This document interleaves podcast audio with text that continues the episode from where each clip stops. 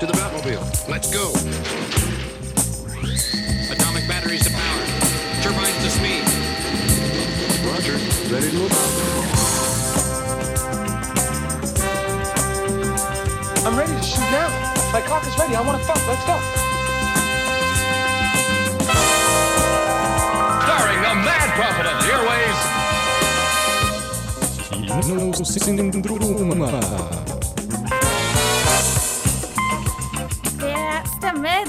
Kinosrommet. Det betyr at det er torsdag formiddag, og med meg i studio så har jeg Ingvild Lone. Joakim Myhre. og meg, Lovise, selvfølgelig. Og i dag så skal vi innom litt forskjellige greier. Vi har vært og sett en eh, ja, en dataanimert film, kan vi vel si. Ja, Man kan jo kanskje si at det er på grensen til det. Ja, eh, hva er den eh, filmen het? Eh, Gods of Egypt heter han. Med selvfølgelig Jamie fra Game of Thrones. Jamie Lannister. Ja. Og Gerard Butler, ikke minst. Og eh, Sinn skal anmelde Det var det som en gang var, den norske filmen. Og eh, Thorvald anmelder Dawn of Justice, Batman versus Supermann. Vi skal også snakke om en person som blafrer i vinden, nemlig Emilia Clark. Emilia Clark. Før vi kommer helt dit, så skal vi høre Nord med spørsmål. Og bare følg med, så kom, skal vi anmelde Gods of Egypt ganske snart.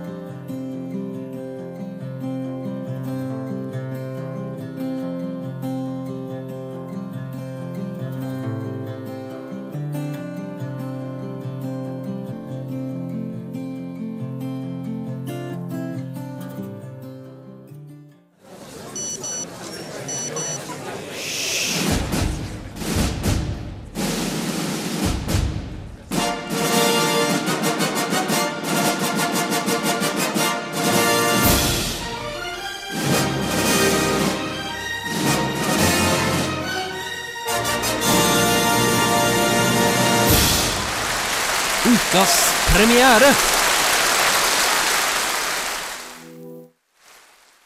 Vi hørte nettopp eh, Nord med spørsmål, og eh, vi skal jo selvfølgelig anmelde filmen Gods of Egypt, som har premiere i morgen, på fredag. Og i Gods of Egypt så har vi Gerard Butler, vi har Elodie Young fra Daredevil sesong to, og Nicolai Coster Boldau fra Game of Thrones.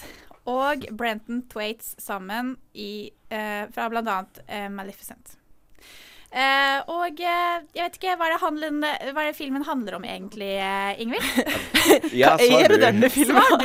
Ikke spør meg. Eh, det er veldig sånn intrikat plott, egentlig. Eller plott og plott. Altså, det handler jo om at eh, de egyptiske gudene lever nede på jorden blant menneskene eh, i Egypt, da.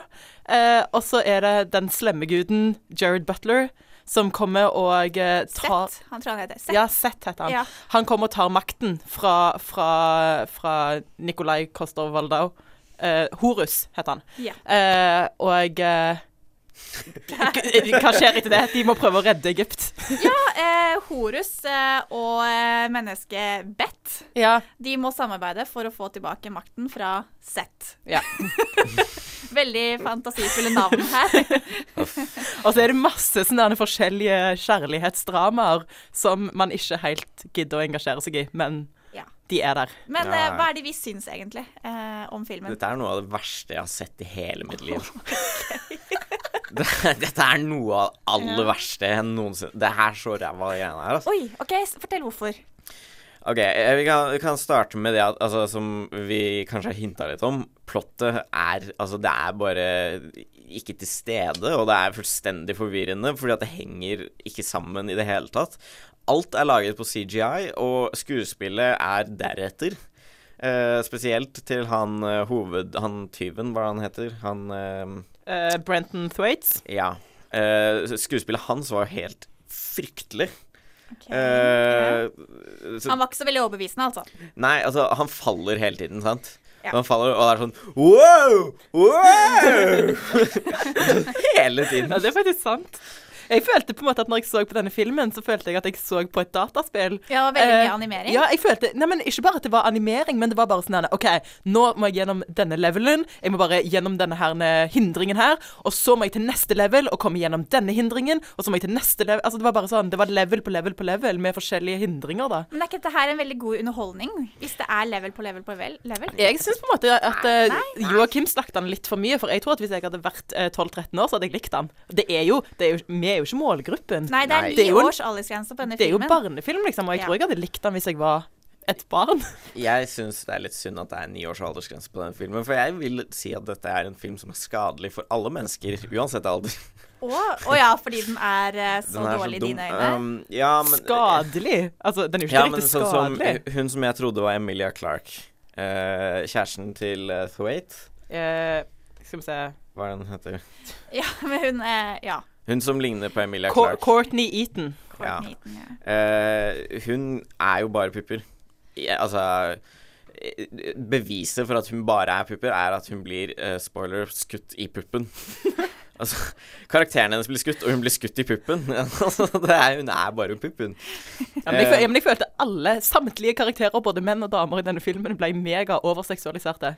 For, og det, det mener jeg er veldig overseksualisert for å være en aldersgrense på ni år? Å, nei, nei. Nei, Det går helt å, ja. at det er aldersgrense på ni år, men kanskje man ikke eh, Dagens samfunn med kroppspress og sånn, da.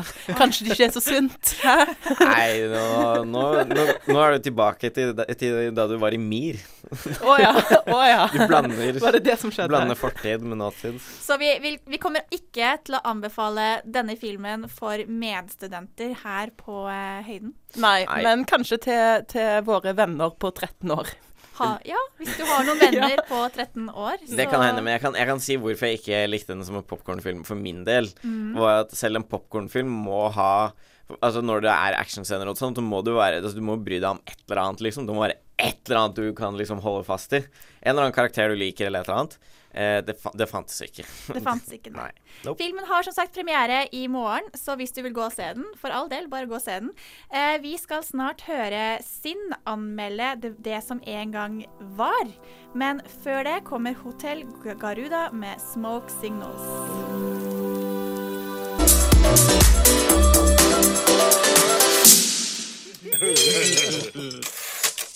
Yeah! Bra. Kom igjen, Tontor! Å, jeg digger det. Heng med, gutter. Jeg føler at vi har noe på gang her. Hei, jeg heter Linn Skåber, og du hører på Kinosyndromet fra Bergen studentradio.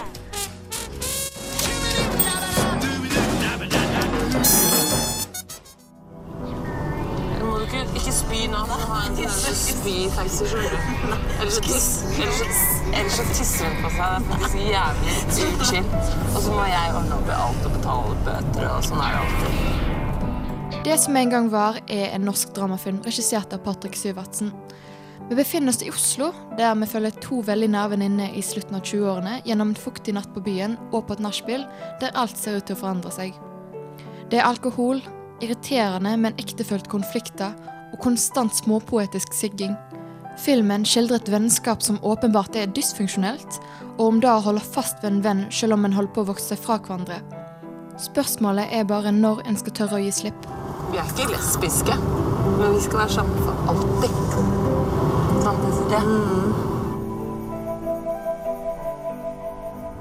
I hovedrollene finner vi Silje Storstein og Marte Germain Christensen, som uvanlig nok spiller karakterer med de samme fornavnene som seg sjøl.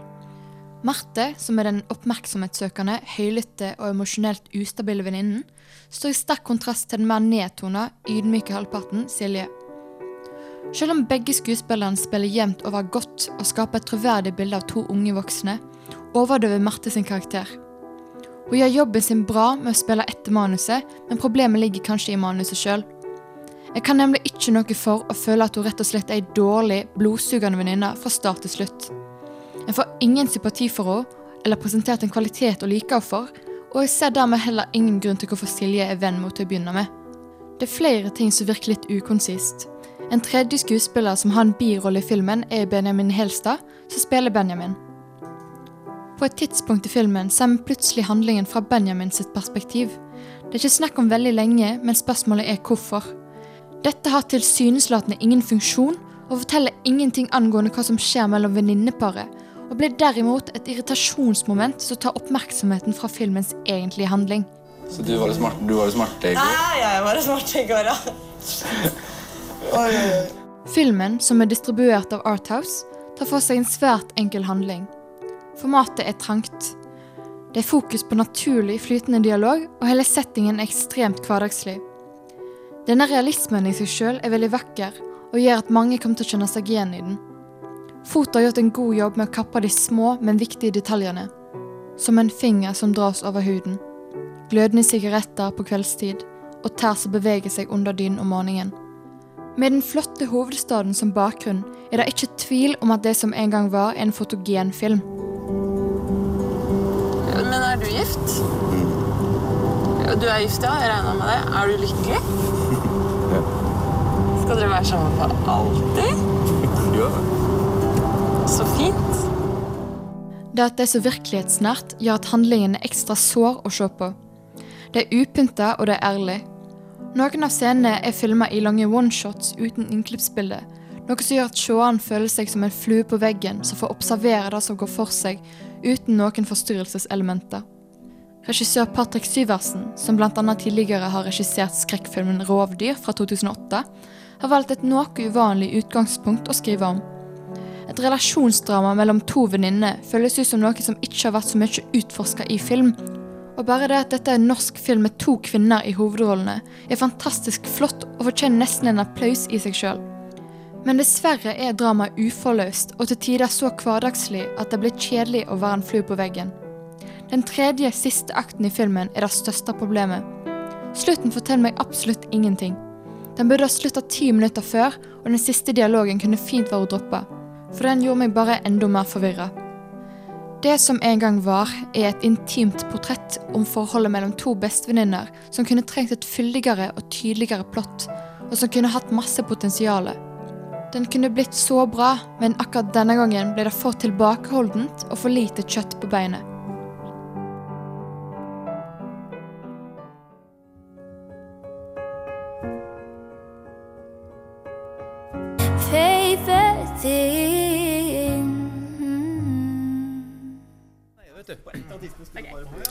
Hallo, folkens. Det her er Knutsen fra Knutsen Ludvigsen. Og jeg må bare si det at er det noen ting jeg hører på, som jeg elsker å høre på, som jeg bestandig hører på, så er det Kinosyndromet. Og det syns jeg bedre dere kan gjøre òg, altså. Det var Astrid S med 'Paper Thin', som hun ga ut nå rett før påskeferien. Før det så hørte du Sinn anmelde 'Det som en gang var'. Og eh, vi skal jo eh, innom eh, serien fra, til Netflix 'Love'. Og eh, vi har sett i hvert fall eh, tre til fire, muligens seks episoder hver. Varierer litt. Det varierer litt. Det var noen som ble mer avhengig av enn eh, andre her. Hallo. Hallo, ja, Joakim. Du Hei. var eh, en av dem, ja. Ja, hei. Eh, det er Gillian Jacobs, som er best kjent fra serien Community, og Paul Rust. Det er de som er i hovedrollene. Og disse to er, i begge, de er begge i usunne forhold. Eh, eller dårlige forhold, kan man vel heller si. Som de etter hvert kommer ut av. Og eh, vi følger disse to hver for seg gjennom hele episode én. Og på slutten så møter de hverandre på en veldig klei, en klei, litt sånn klein situasjon, kan jeg si. Hele denne serien er jo egentlig veldig klein. Syns du det? Ja, det er bare Eller det er ikke, det er ikke sånn, det er ikke sånn klovnkleint. Eh, det er bare sånn Å, det var kleint. Dere, dere, dere bare liksom, De bare roter med livet sitt, og ingenting går som det skal. Og de er så, de er så mislykka mennesker. Jeg føler vi er i, sånne, i en sånn tid hvor det er så mange serier og filmer som handler om mislykka mennesker. Og Love er jo en av de, da. Eh, det var jo Ja, Joakim, du syns noe helt annet. Ja, altså, jeg syns, altså, ikke det var kleint før uh, en viss date. Det var ille kleint. Da satt jeg og klorte meg i ansiktet. Uh, har jeg merker i dag? Nei, det ser ganske grei ut. Eh, for det syns jeg var ille kleint. Men uh, før det, sånn som denne scenen hvor de møtes på denne bensinstasjonen, eh, det syns jeg ikke var noe kleint. Ja, for syns dere det var kleint? I episode én der, hvor de møtes på slutten. Ja. Jeg syns det var en litt sånn klein situasjon, for hun står der og har, har lyst på kaffe og har ikke penger, og han tilbyr seg å betale, på en måte, og så drar hun det enda lenger. Ja, Nei, men det er jo jeg, kult. jeg syns ikke at hun er klein. Jeg syns hun er ganske kul. Han er kjempeklein. Ja. Ja. G nei, han Paul Rust. Kjempeklein. Eh, men det Hva syns du om skuespillerne? Var de, eh, presterte de, overbeviste de, eller var de bare sånn midt på treet? Jeg synes for all del Dette her er jo en kvalitetsserie på alle mulige måter. Netflix er jo flinke til å lage serier, han er godt skrevet, og det er flinke skuespillere. Jeg bare Jeg syns han var Jeg syns han var kjedelig. Jeg har ikke lyst til å følge med lenger. Jeg har sett tre episoder, og når en serie ikke engasjerer meg etter tre episoder, da er det ikke en god nok serie. Jeg ble helt avhengig. Eh, jeg fikk Jeg binga lite grann. Jeg så seks episoder på rad. Det må jo regnes som binging, det. Det må regnes som binging, for hver episode varer i 40 minutter. Men uh, jeg syns uh, begge skuespillerne er veldig gode, og jeg uh, hater trynet til Gus uh, lite grann. Altså Rust, da. Rust, Um, ja. Paul Rust. jeg kaller han Gus, jeg. Ja. Eh, Gus Gus, som hun kaller han.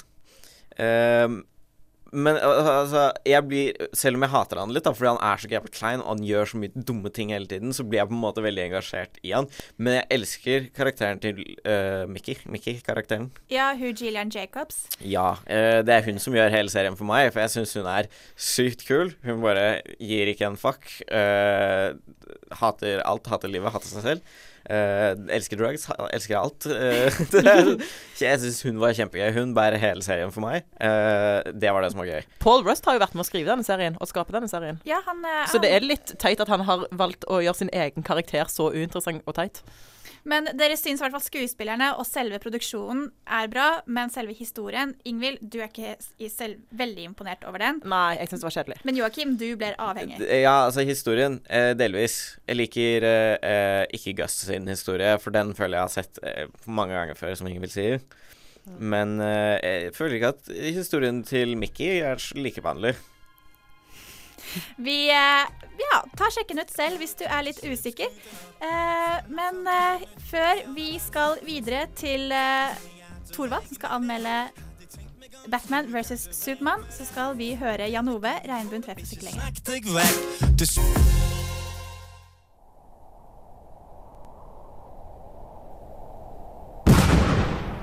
Se til helvete og kom dere vekk! Det er ikke en katt! Det er Ah, faen. Sorry. Kutt! Det er ikke en bikkje. Det er ikke en bikkje. Det er ikke en bikkje. Tar det igjen fra toppen. Hør på Kinosyndromet hver torsdag fra 11 til 12 her på Studentradioen i Bergen. 76 Baker, take two, AMB cameras. And action.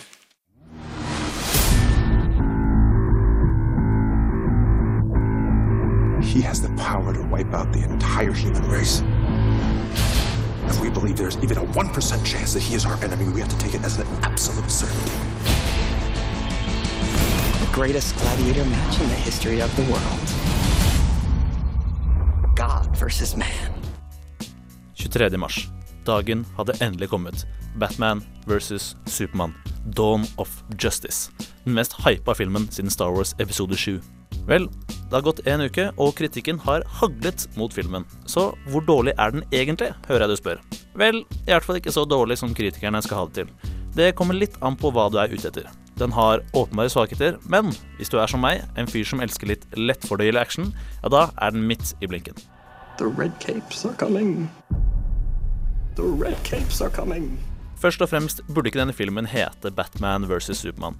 Den burde hete Batman versus Supermann. For det er helt klart Ben Affleck som er kongen i denne filmen. Når Affleck ble annonsert som den nye lynvingen, kunne man nærmest høre hamringen fra sinte tastetrykk gjennom ruteren sin når fanboysa på internett uttrykte sin misnøye. Til da hadde Affleck kun hatt ett tidligere møte med superheltverden, nemlig Daredevil fra 2003, en film de fleste husker som en ganske middelmådig og kjedelig affære. Men i Batman vs. Supermann Dawn of Justice har Affleck gjort det få trodde han kunne gjøre. Ikke bare er han den beste versjonen av Bruce Wayne vi har sett på film, men filmen gir oss også den klart kuleste versjonen av Batman til dags dato. Her er det ikke snakk om den semirealistiske Nolan-Batman som høres ut som han skal på audition til et black metal-band. Det er snakk om et kompromissløst muskelmonster som ikke har tid til all dritten din. This bat vigilante is like a one man reign of terror. Bare hør på det her. Er ikke det her Tell me,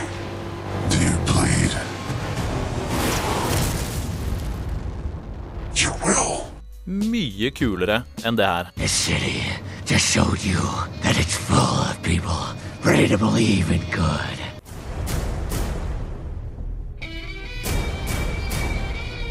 I filmens andre hovedrolle er Supermann. Supermann er Supermann. Altså, hva skal man si? Henry Cavill gjør det så godt som det kan forventes. Problemet er bare at Supermann er en av de minst interessante superheltene som noen gang har blitt skribla ned på papir. Jesse Eisenberg er seg selv lik og spiller Lex Luthor jr. med en lett dose Asperger og et hint av jokeren til Heath Ledger. Det funker sånn helt greit. Boys, mm, Bruce Wayne meets Clark Kent. I love it. I love bringing people together. How are we?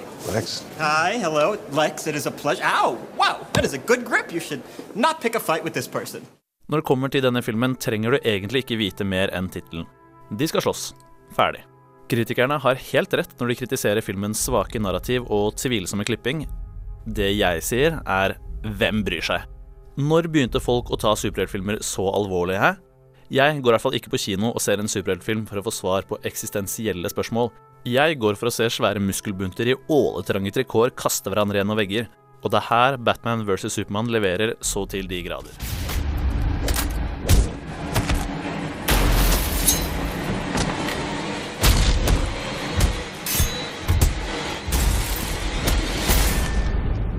Getting slow in my old age, Alfred. Even you got too old to die young, not for lack of trying. Det å lage en mørk og gritty oppfølger er blitt ganske oppbrukt, men regissør Zack Snyder unngår de store klisjeene. Filmen tar sted i en verden hvor det som skjer, har konsekvenser. Bygninger som kollapser, har tyngde og er ikke laget av pappmasjé og animerte piksler, som det ofte føles i store superheltfilmer. Hvis du kjenner til regissør Zack Snyder, så vet du hva greia er. Snyder står bak filmer som 300, Watchmen og Sucker Punch. Han er en fyr som får mye kritikk for å lage spektakulære filmer uten noe særlig innhold. Det stemmer til en viss grad med denne filmen. Altså, det er snakk om en mann som har fokus på det visuelle med fortellingen. Og er det ikke det som er det viktigste når det kommer til superhelter? Nei, hører jeg du sier. Vel, som jeg sa tidligere, er det avhengig av hva du er ute etter. Og er du ute etter en visuelt nydelig film med kule actionscener, så er dette filmen for deg. Zack Snyder skaper verdener på en måte få andre klarer. Det er bare så synd at kritikerne gjerne krever litt mer enn det. Zack Snyder er regissøren vi fortjener, men som vi ikke trenger akkurat nå. Så vi kritiserer han. Fordi han tåler det. For han er ikke helten vår. Han er en stille vokter. En årvåken beskytter. En undervurdert regissør.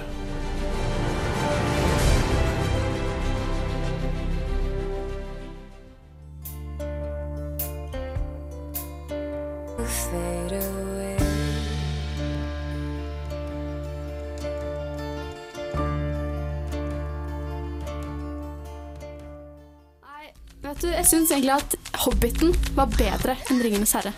Boo, you whore. I kinosyndromet kan du mene hva du vil.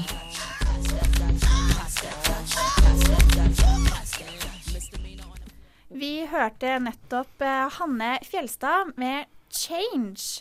Og eh, før det så hørte vi Thorvald snakke om Batman versus Supermann. Og han var ikke, han var ikke så veldig begeistret over alle disse kritikerne som har slaktet filmen, men for han likte den godt selv. Eh, med- Det er så Thorvald, det. Klassisk Thorvald. Big Eh, fucking surprise.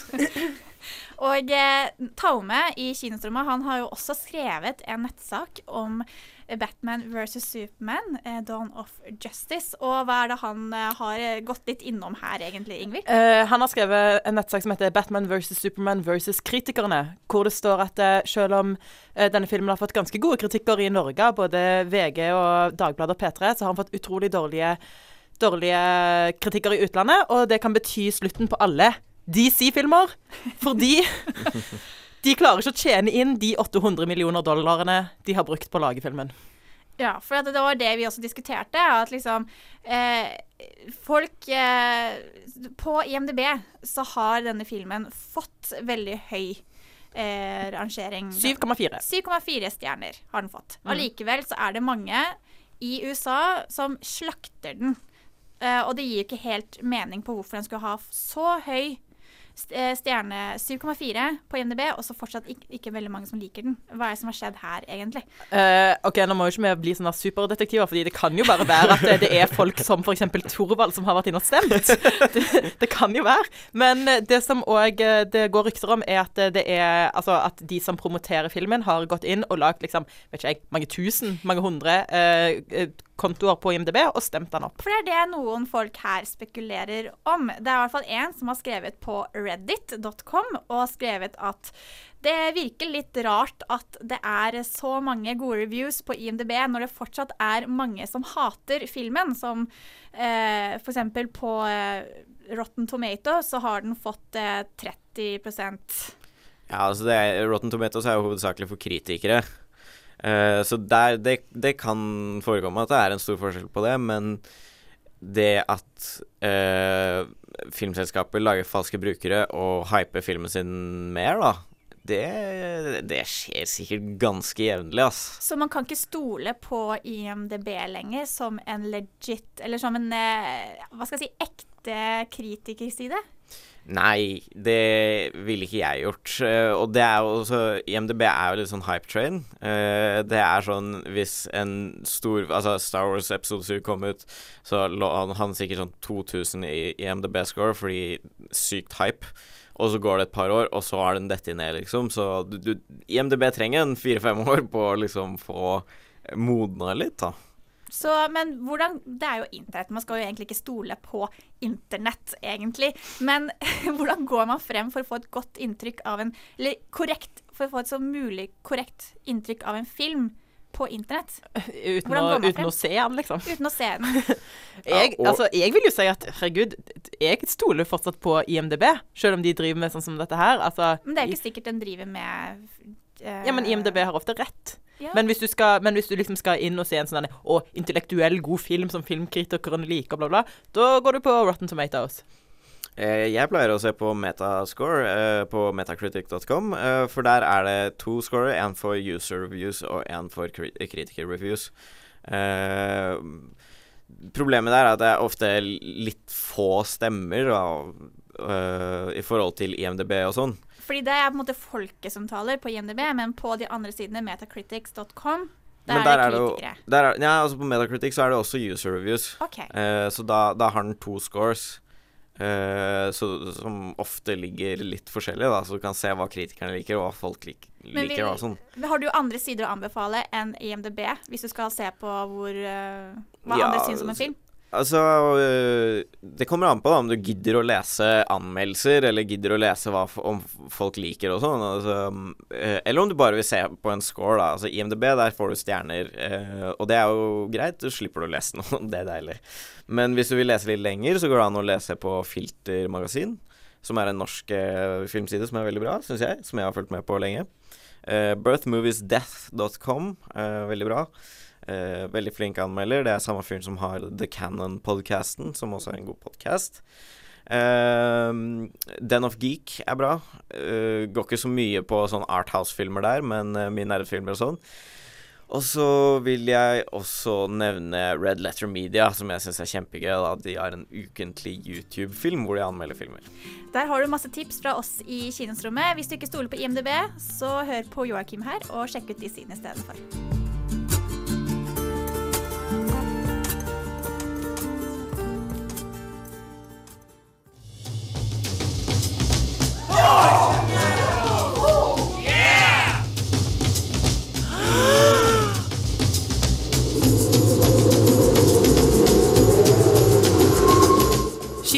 Presenterer I vinden!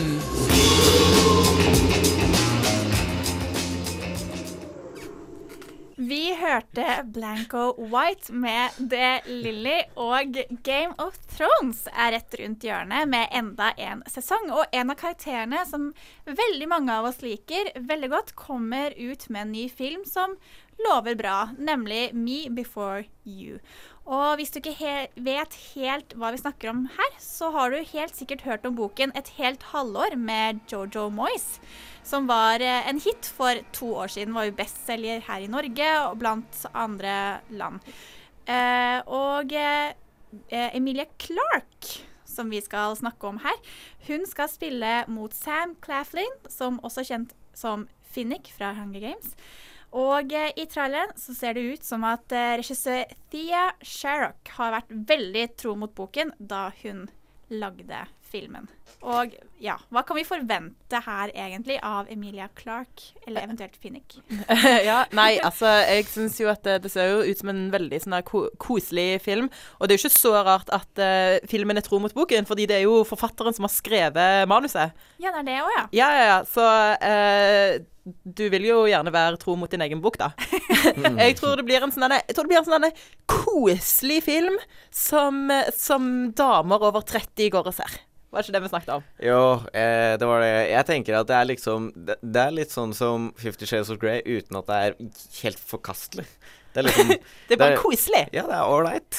Fordi det er jo veldig mange som elsket boken. Det var derfor den ble en bestselger. Hei, mamma. Hei, mamma. Hei, mamma. Ja. Eh, så det er på en måte det vi ser for oss, at det blir en foreldrefilm. At det er dem som går og ser denne filmen på kino når den kommer i sommer. Stakkars pappa må sikkert uh, være med på kino, Men stakkar. syns ikke dere at det var litt irriterende at uh, hele filmen blir vist i traileren? Hele filmen blir spoila? Ja, ikke se traileren. Uh, Og du har ikke det? Jo, nei, men ikke se den. eh, hvis du ikke vil at jeg skal spoile. Nei, nei, nei, fordi tra traileren spoiler hele filmen. Ja. Men vi kjenner jo Emilia Clarke. Det er hun som blafrer i vinden. For hun er litt sånn Vi har ikke sett så mye til henne utenom Game of Thrones, og nå plutselig så kommer hun med en eh, Kan jeg kalle det en medium stor film? Det er en ganske stor film. Det er en stor film. dette Det her. en Er det en stor film. Ja. Ja, det tror jeg. Dette her tror jeg blir uh, masse klirring i pungen til uh, filmfolket. Og jeg syns det er så kult, fordi hun spiller jo Daenerys Targaryen i yes. Game of Thrones, og dette her er jo Hun skal jo spille hovedrollen som heter Louisa Clark. Men det er, er, det, er en, det er helt annerledes enn det hun Det er helt annerledes enn det hun er i Game of Thrones, da. Ja, fordi her skal hun spille smilende, glad, entusiastisk, mens hva vi pleier å se henne som, er liksom litt sånn sint, dum eh, Ikke dum. Nei, ja. Nei, hun er ikke dum. Hun er bare veldig, eh, veldig handlekraftig. Så, men er hun en veldig overbevisende skuespiller til vanlig? Ja, jeg syns hun er flink, jeg. Jeg syns hun er kjempesøt. Ja. Ja, jeg syns hun er ålreit, jeg.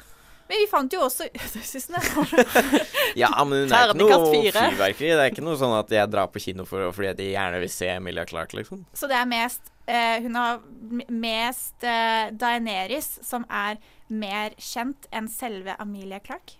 Ja, altså Hun har jo ikke klart å slå seg opp så veldig stort utenfor Game of Thrones enda. Den største rolla har jo vært i Terminator Genesis, kanskje. Mm. Eh, og det Som kom i var det- fjor, Ja, forfjor. det var det ikke mange personer som likte. Tror det Torvald, sikkert.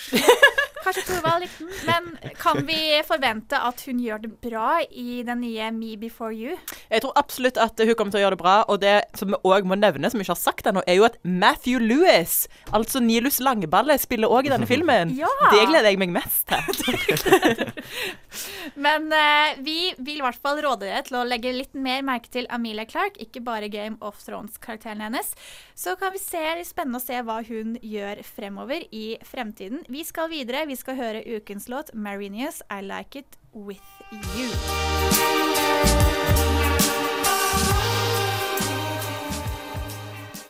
That will conclude this evening's entertainment.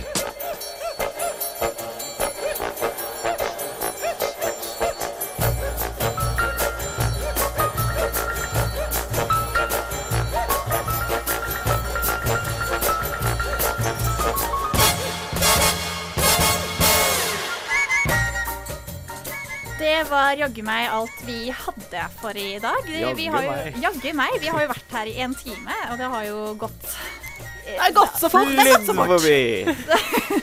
Vi har jo anmeldt eh, filmen 'Gods of Egypt', hvor vi var ikke helt imponert, men vi var ikke riktig målgruppe heller. Si det heller. rett ut. Den var ræva.